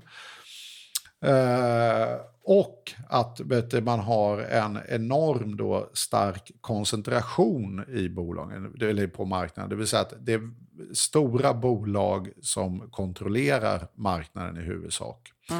Eh, då visar det sig om att de spenderar eh, disproportionellt lite utav sina vinster på eh, investeringar. Och de investerar eh, relativt sett lite och använder i hög utsträckning de här övervinsterna till att istället köpa tillbaka sina egna aktier.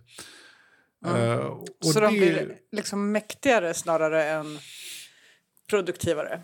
Ja, och det, det här är ju inte kul. Va? Om, om man gör det här, de här olika studierna till ett narrativ då.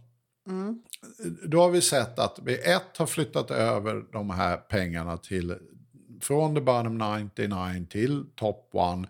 Det har lett till den här skuldfällesituationen, en instabilitet i det ekonomiska systemet och en bristande efterfrågan i ekonomin som i sin tur har gjort då att investera eh, i ökad produktion inte har varit lika nödvändigt och lönsamt. Eh, men då har företagen anpassat sig till detta och istället då för att liksom öka genom expansion och större volymer så har företagen vuxit genom att köpa upp andra bolag och corner the markets. Att man blir jättestora på en marknad vilket gör att de kan skapa övervinster. Mm. Och det är och, egentligen ingen som tycker det är bra. Nej, och framför... Utom de som får övervinsterna. Ja, och de som är pro-business tycker det här, men de vågar aldrig erkänna att situationen ser ut så här. Men de skulle ju, de skulle ju fortfarande säga att det där är jättebra att vi har stora bolag. Typ. De är stabila och kommer inte gå i konkurs. Ja, exakt. Men så att då har vi skapat den här, de här jättebolagen som gör övervinster och som de använder till improduktiva saker som att köpa tillbaka sina egna aktier. Och, och, det är ingen trollformel för att få höjd produktivitet. Så att på något sätt så tror jag egentligen vi måste se över näringspolitik och allting. Vi, vi ska ju naturligtvis på de marknader vi har ha en bra konkurrens och inte olika bolag som försvårar inträde som Google och till exempel Apple gör nu i högsta grad. Mm. Eh, om det är stora nätverksvinster så ska bolagen brytas upp eh, och så vidare. Och så vidare. Va? Och att man stimulerar många aktörer som konkurrerar och konkurrerar med bättre produkter och effektivare produktion. Och det är det som speglar det här, att de blir ju rätt feta, bekväma katter. Va? Därför att mm. de har ju inte så mycket konkurrens, så de känner att ah, hålla på och investera och utveckla de här grejerna så himla mycket. Det går väl alldeles utmärkt att köra lite ungefär som vi gjorde förra året. Och det ligger ju någonting i det i och med att ja, konkurrensen då inte är så hård. Eh, så att här, här finns det ju, vi behöver en ekonomi som är betydligt mer pro-market och betydligt mindre pro-business och vi behöver starka och trygga löntagare och konsumenter som drivkraft för denna ekonomi. Så en, en trickle-up-effekt skulle man då kunna få om man stärker löntagarnas förhandlingsposition så att löntagarna blir bättre på att förhandla upp sina löner och därmed får ökade inkomster. De ökade inkomsterna leder till en ökad efterfrågan och en ökad efterfrågan är det som i slutändan leder till nya investeringar. Japp. Och nya investeringar betyder ökad produktivitet i hela systemet för då köper man nya fabriker och nya maskiner och då ökar produktiviteten. Um, och för att då det här ska... Det behövs också då en slags pro-market-politik egentligen mm. för att få det på plats. Men får jag då lägga till en sak som vi inte har pratat om alls men som var uppe när... Eh, alltså en, en, en ytterligare positiv bieffekt av löntagarnas stärkta förhandlingsposition då, som var steg ett och de ökade lönerna. Det är ju kanske... För nu, om vi nu ska sälja in det här till den här liberalen som sitter så här... Bara, är det så här? Så då behöver man heller kanske inte höja skatterna. För Nej. att om vi ökar lönerna så ökar också skatteintäkterna.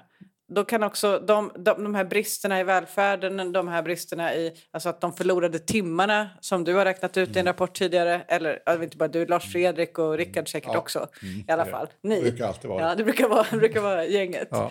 Eh, men eh, de timmarna som, som liksom måste fyllas upp, alltså alla de här hemtjänsttimmarna, alla de här eh, vårdtimmarna som liksom idag har försvunnit. Ja. Om man ska fylla upp dem så brukar man ju, det brukar ju vara så här, men vi kan ju inte höja skatten. Jo, vi måste höja skatten, men det går inte att höja skatten, folk blir inte glada. Jo, vi måste höja. Så är debatten så. Mm. Men då kan man ju istället bara inte höja skatten därför att det behövs inte, därför att vi har ökat lönerna. Och ökade löner blir ökade skatteintäkter. Ja, särskilt som vet du, löner är mycket hårdare beskattat i Sverige än vad kapitalinkomster Exakt. är. Men å andra sidan om man ska vara lite praktisk. Var det för enkelt så, nu? Ja, det, det, var lite för enkelt. Därför att det, en metod, kan vi inte låta det vara så? Jo, men en metod som användes för att flytta över pengar från the bottom 99 till top one, det var ju helt enkelt att sänka beskattningen på the bottom ones, eller top ones inkomster. Ja. Och det tror jag att vi inte kan runda. Vi behöver... de ska vi ta tillbaka. Ja, vi behöver en arvsskatt. Alltså jag tycker det är lite så här... Ja, men jag tycker verkligen att det är helt uppenbart att vi behöver en arvsskatt. Annars kommer vi vara på väg till någon medeltida förmögenhetsfördelning om 20-30 år. Exakt, för de här 1 procentens förmögenheter kan inte bara gå rakt av i arv. Nej, till deras barn. det kan inte det. Va? Utan vi måste ha en arvsskatt och vi måste ha en f- vet, eh, fastighetsskatt och så vidare. Vi måste ha progressiva skatter i inkomstsystemet. Och det är också politiskt svårt såklart att få till. Men, eh, men det är nästan ännu mer... Eller ja, jag vet inte. Den enda skatt som, eh, som, och det har ju skett genom historien också, smy, som går att smyghöja utan att någon bryr sig i momsen. Ja, det har jag ju. Och det, det, det är ju tyvärr då den enda skatten som är regressiv. Det vill säga rika människor betalar mindre utav det. Exakt, och det minskar också efterfrågan. Ja, Men, så att öka, men ökade... det- är ju ändå ett problem att vi har förlorat så mycket skatteintäkter och att det är svårt att återinföra skatter när folk då en gång har... Alltså, för att alla partier måste då ha väljare. Och väljare är ofta löntagare. Jätteofta faktiskt. Nej, men vi, vi har ju kommit en lång bit på vägen om man kan stärka världens löntagarkollektiv i att faktiskt kunna få ut anständiga löner. Och det driver ju i sig produktivitet. Det vill säga att om det inte finns, det, det slog mig, det, det är typiskt en sån väldigt enkel produktivitetsexempel. Va? Att I Sverige så har ju de som jobbar inom handeln eh, kollektivavtalade löner och även om de är låga så eh, går det att överleva på dem. Eh, I USA så har vi istället det här begreppet working poors, det vill säga att du kan mycket väl jobba heltid men det är faktiskt inte en överlevnadsbar lön. Det vill säga att lönerna är extremt låga. Och jag kommer ihåg när jag åkte över till USA första gången, eh, det var väl på 80-talet, eh, så slog det mig verkligen som en så här blixt från klar himmel. Jag höll ju på att pula med såna här små frågor redan på den tiden. Att gick man in i en ICA-affär så var det så där, du vet, man såg kanske två, tre anställda om det inte var allt för stora. Det satt någon i kassan och någon plockade. Och så här. Det är liksom rätt lite. Och så gick man in i motsvarande amerikanska affärer och de var liksom tio pers där som höll på med alla möjliga konstiga saker. Ja. Och det, Fippla med ens varor. ja, de packade ens varor, de stod och gjorde såna här stora fina pyramider av äpplen. Ja, men de höll på med massa skumt. Va? Och- Fast det gör de väl i... Bygga pyramider av äpplen gör de väl i alla lä- världens länder. Ja, inte på För samma... att- jag jag var rätt fint. imponerad över vad de höll på med sina olika diskar där faktiskt. Nej, men de sprang runt och gjorde grejer där. Men poängen är ju den att det är ju dålig produktivitet. Ja. Det, det är massa människor. Det, det här är egentligen ingen som har... Skulle de ha anständiga löner så skulle den här funktionen finnas kvar på exakt samma sätt mer eller mindre. Men de här som jobbade i den här affären skulle vara hälften så många. Va? Och då, då, då frigörs ju den arbetskraften att gå och göra någonting annat. Alltså, då tänker vi, ja men så kan vi ju inte göra, för då blir ju de här fem arbetslösa. Nej, det är inte så ekonomin fungerar, utan ekonomin fungerar när man frigör arbetskraft, då kan den arbetskraften gå någon annanstans och göra någonting annat som är bättre. Och det här är ju egentligen basen för hela ren Meidner-tänket för lika lön för lika arbete. Att löntagare ska inte subventionera dåliga företag som är ineffektiva och därmed har dålig löneutbetalningsförmåga. Nej. Utan de ska ha... De ska, ja, alla om företag- företagen inte funkar ska de gå i konkurs. Ja. Det är pro-market. det är pro-market. Alla företag upplever samma vet kostnad. Det vill säga, vill du ha en svetsare kostar en svetsare vad en svetsare vill. Då kommer företagen vara tvungna att konkurrera med att använda den här svetsaren på ett väldigt smart sätt. Det måste vara jättedyrt med tanke på hur lång utbildning... Vi kollade ju upp Löfven av någon annan orsak. Ja, eh, vart han kom ifrån, vilken ort han kom ifrån. Men då så stod det att han hade gått 48 veckors svetsarutbildning. Det kan jag fortfarande inte smälta. Ja, det är lite imponerande faktiskt. Hur mycket svetskompetens har inte han? Uppenbarligen väldigt mycket. men Först framförallt... 48 veckors utbildning och sen he hela yrkeslivet då på det.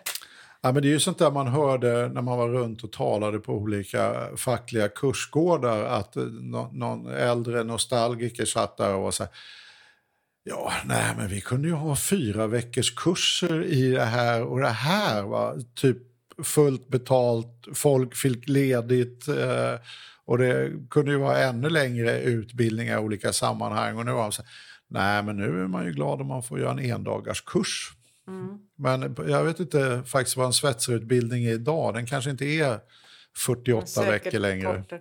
Men jag tänker mig att det säkert var en del praktik i den där utbildningen. Att de skulle, efter att ha lärt sig grunderna, reglerna och principerna för svetsning, så, så, för det kan inte ta 48 veckor, så ska man lära sig att göra det riktigt bra. Ja. Nu, nu när vi ändå är på svetsa, jag vill lära mig svetsa rost, eh, rostfritt. Men det är en annan historia. Ja, det, det, då får du gå den här... 48 veckor, 48 inte veckor. tid med. Det får bli 48 veckor på heltid. Ja, det blir sån här, det moderna sättet är så Youtube tutorial och så bara ja. förstör man allt.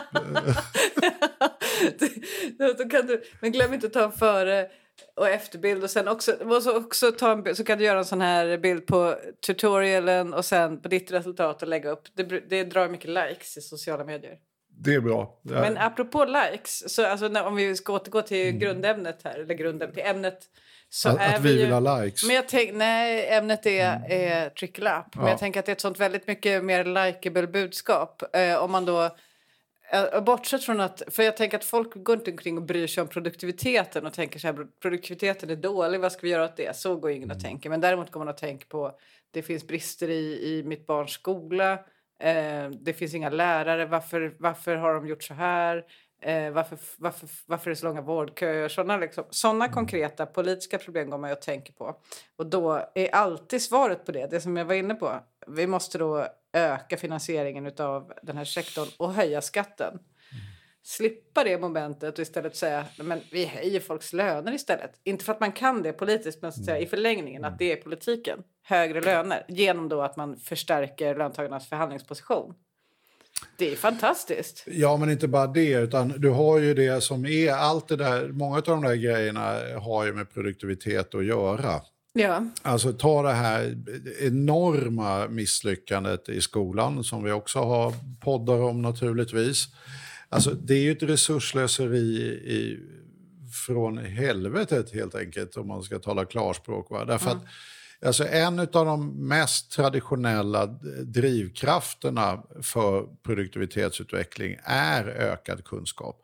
Och det är inte bara de här, vilket man lätt liksom tror att produktivitet har med individer att göra. Och det har det inte. Det, det är inte en individ som har en produktivitet. Gud, herregud vilken produktiv individ kan vi säga och inbilla oss att det har någonting med. Det har det inte, utan produktivitet är systemberoende. Va? Jag menar, man definitionsmässigt säger att offentlig sektor har noll i produktivitet, det är ju bara för att man inte kan mäta den förvisso. Va? Men det säger man alltid och vissa tror tyvärr att det är sant bara för att man inte kan mäta den. Men det är en definitionsfråga. Ja, och så jobbar du till exempel inom eh, metallindustrin eller verkstadsindustrin ännu hellre och så har du eh, en enorm eh, produktivitetsutveckling. Eh, du kanske har 6-7 procent årligen eller något sånt där. Eh, och så är det så här, ja men gud vilken produktiv människa. Nej, det, det, kan ju vara exakt samma människa med lite omskolning som står i, på liksom verkstadsgolvet i en lastbilsfabrik som står och är undersköterska eller sjuksköterska eller Ja, alltså, produktivitetsutveckling är systemberoende och den är också då systemberoende av alla komponenter. Mm. Du kan inte ha, vilket om man har jobbat lite med biståndsfrågor, att ett av de naturligtvis stora hindren att få igång en vettig industrialiseringsprocess det är ju till exempel om befolkningen är analfabeter. Alltså, där är det väldigt svårt att... Liksom... Jag var liksom- rädd att du skulle säga någonting i stil med alltså det vi var inne på att eh, eh, ja, men när vi pratar om hur man ser på att man tänker att kineserna har sämre kolkraftverk eller så. Man skulle säga någonting jag tror Olämpligt. Någonting, någonting konstigare än ja, analfabeter. nej, men alltså det, och det, det, det ses ju så ekonomiskt historiskt till exempel att Sverige hade väldigt tidigt en hög läskunnighet mm. och det gav ju förutsättningar för en industri. Så att hela den här Åh, den här stora entreprenören hittade på någonting. Jo, jo, det kan han göra bäst fan han vill, va? men det måste finnas förutsättningar för systemet. Så att man, man kan inte stirra sig blind på en spets, utan det som är helt avgörande det, det är ju helt enkelt att vi har både bredd och spets och mellanlager och allting. Alltså att Det är helt enkelt systemförändring och här har ju vi i skolan... alltså det här, du måste ju... Vad är det? Nu gnäller du. Det, det där kommer ju höras. Men nu är den slut. Ja. Ja, jag har inte fattat det där. Ja. Okay. Nu, nu, nu är den tyst. Ja, den är tyst. Det var min klocka som pep. Ja. Jag tror alla hörde... Var, var då hörde inte du den? Nej, jag satt och pratade. Men jag tror alla jag lyssnare kommer inte, höra den. Ja, jag, jag fattar inte. Jag har försökt, jag, min klocka är på lagning. Jag har fått en sån här retroklocka som piper. Ja, jag får reda ut det där. Uh, men det som har hänt med skolan är helt enkelt att vi har ju tappat en stor grupp i skolan. Uh, och så tror man att det inte har med produktivitet att göra. Det är såklart det har. Det har att göra med hela förutsättningen för arbetsmarknaden att ha en produktivitetsutveckling. Att vi liksom, man måste hela tiden klara mm. av att ta mer avancerade uppgifter. Mm. Uppgifter kan också bli mer självständiga, för, förutsätter mer mm. inläsning själv och så vidare. Så det, det vi gör med det här enorma skolmisslyckandet vi ägnar oss åt är att erodera basen för en möjlig produktivitetsutveckling. Men är vi så kassa? Vi är så kassa och framför allt är vi inte så bra som vi borde vara. Alltså det, vi har ju, alltså tittar man på alla de här timstudierna och de här olika internationella så är det ju ingen hemlighet att vi inte har rosat marknaden. Och, och det tragiska är ju att det man tänkte med marknadsskolan var ju ändå att då skulle ju toppen få sticka iväg. Att okej, okay, det blir lite mer spridning, mm. men vi får ju de här liksom, viktiga genierna.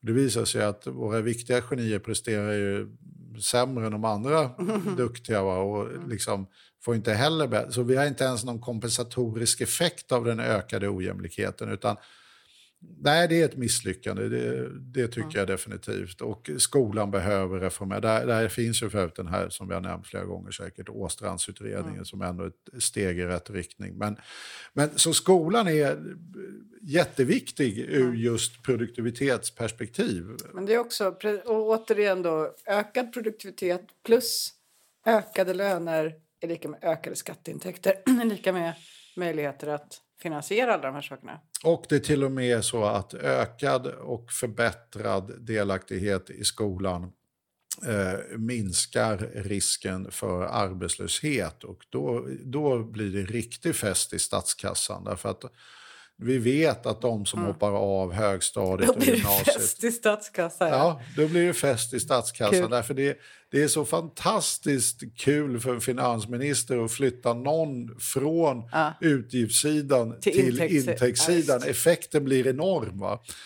Uh, och det är därför det här misslyckandet i skolan, inte minst med de som kanske har sämst förutsättningar och presterar sämre, är ju på lång sikt inte bara dyr för produktiviteten utan naturligtvis också dyr för statskassan. Så att det finns väldigt mycket saker vi kan göra mycket bättre om vi bara började tänka trickle up istället. Det blir ju lätt så när man har lyssnat på det att man tycker det låter super självklart. Precis. Innan vi slutar så vill jag bara mm. säga en sak. Det var ju jättemånga lyssnare som har hört av sig på olika sätt och skickat in namnet Herbert Hoover.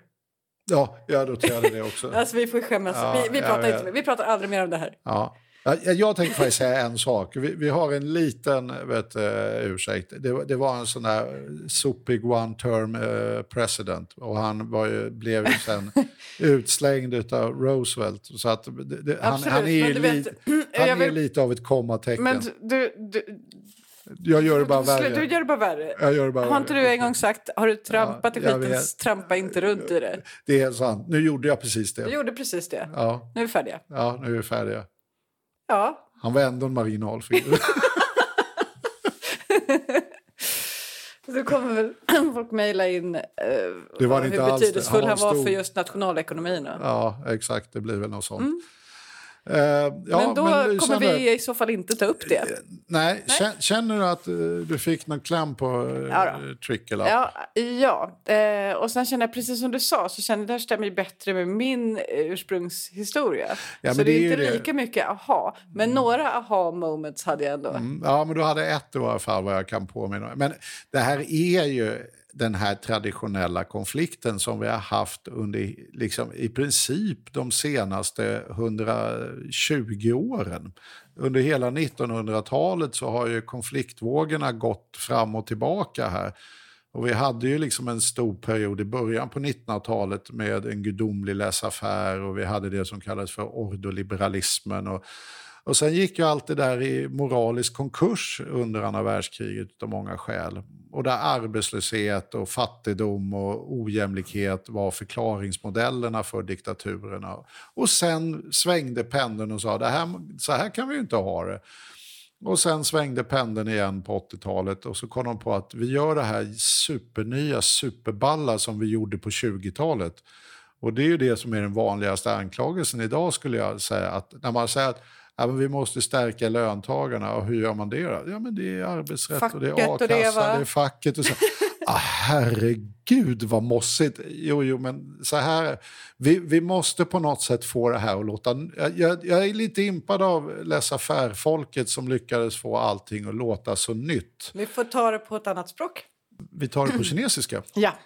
Det, ingen kommer ju hänga med, men det, nej, men det är ju kommer att låta all, all, Alla sci-fi filmer, nej men det är vanligt inom sci-fi är mm. ju att det, eh, det finns att kinesiska har blivit väldigt vanligt. Att folk kan kinesiska. Men vi skulle ju bara kunna ta begreppen, att vi kallar arbetsrätt vad det heter på kinesiska. Så man kommer till den där punkten när man ska säga arbetsrätt så säger man det så här, vi, ja, så här, ja.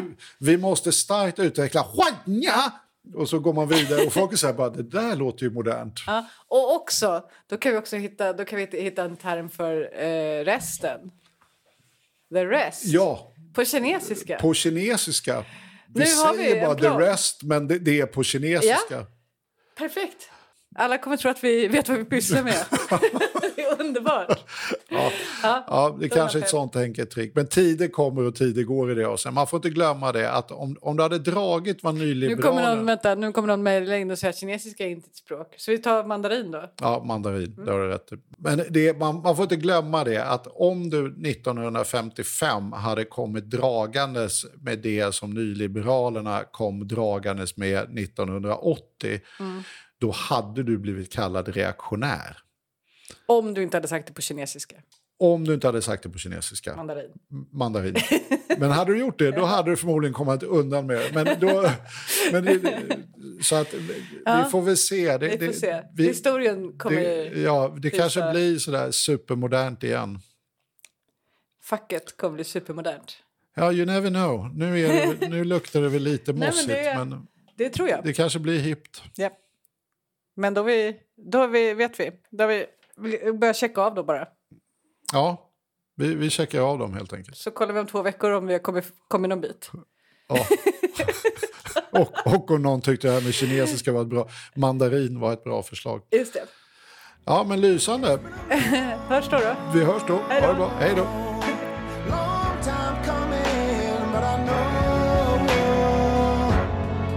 A change gonna come yes it will.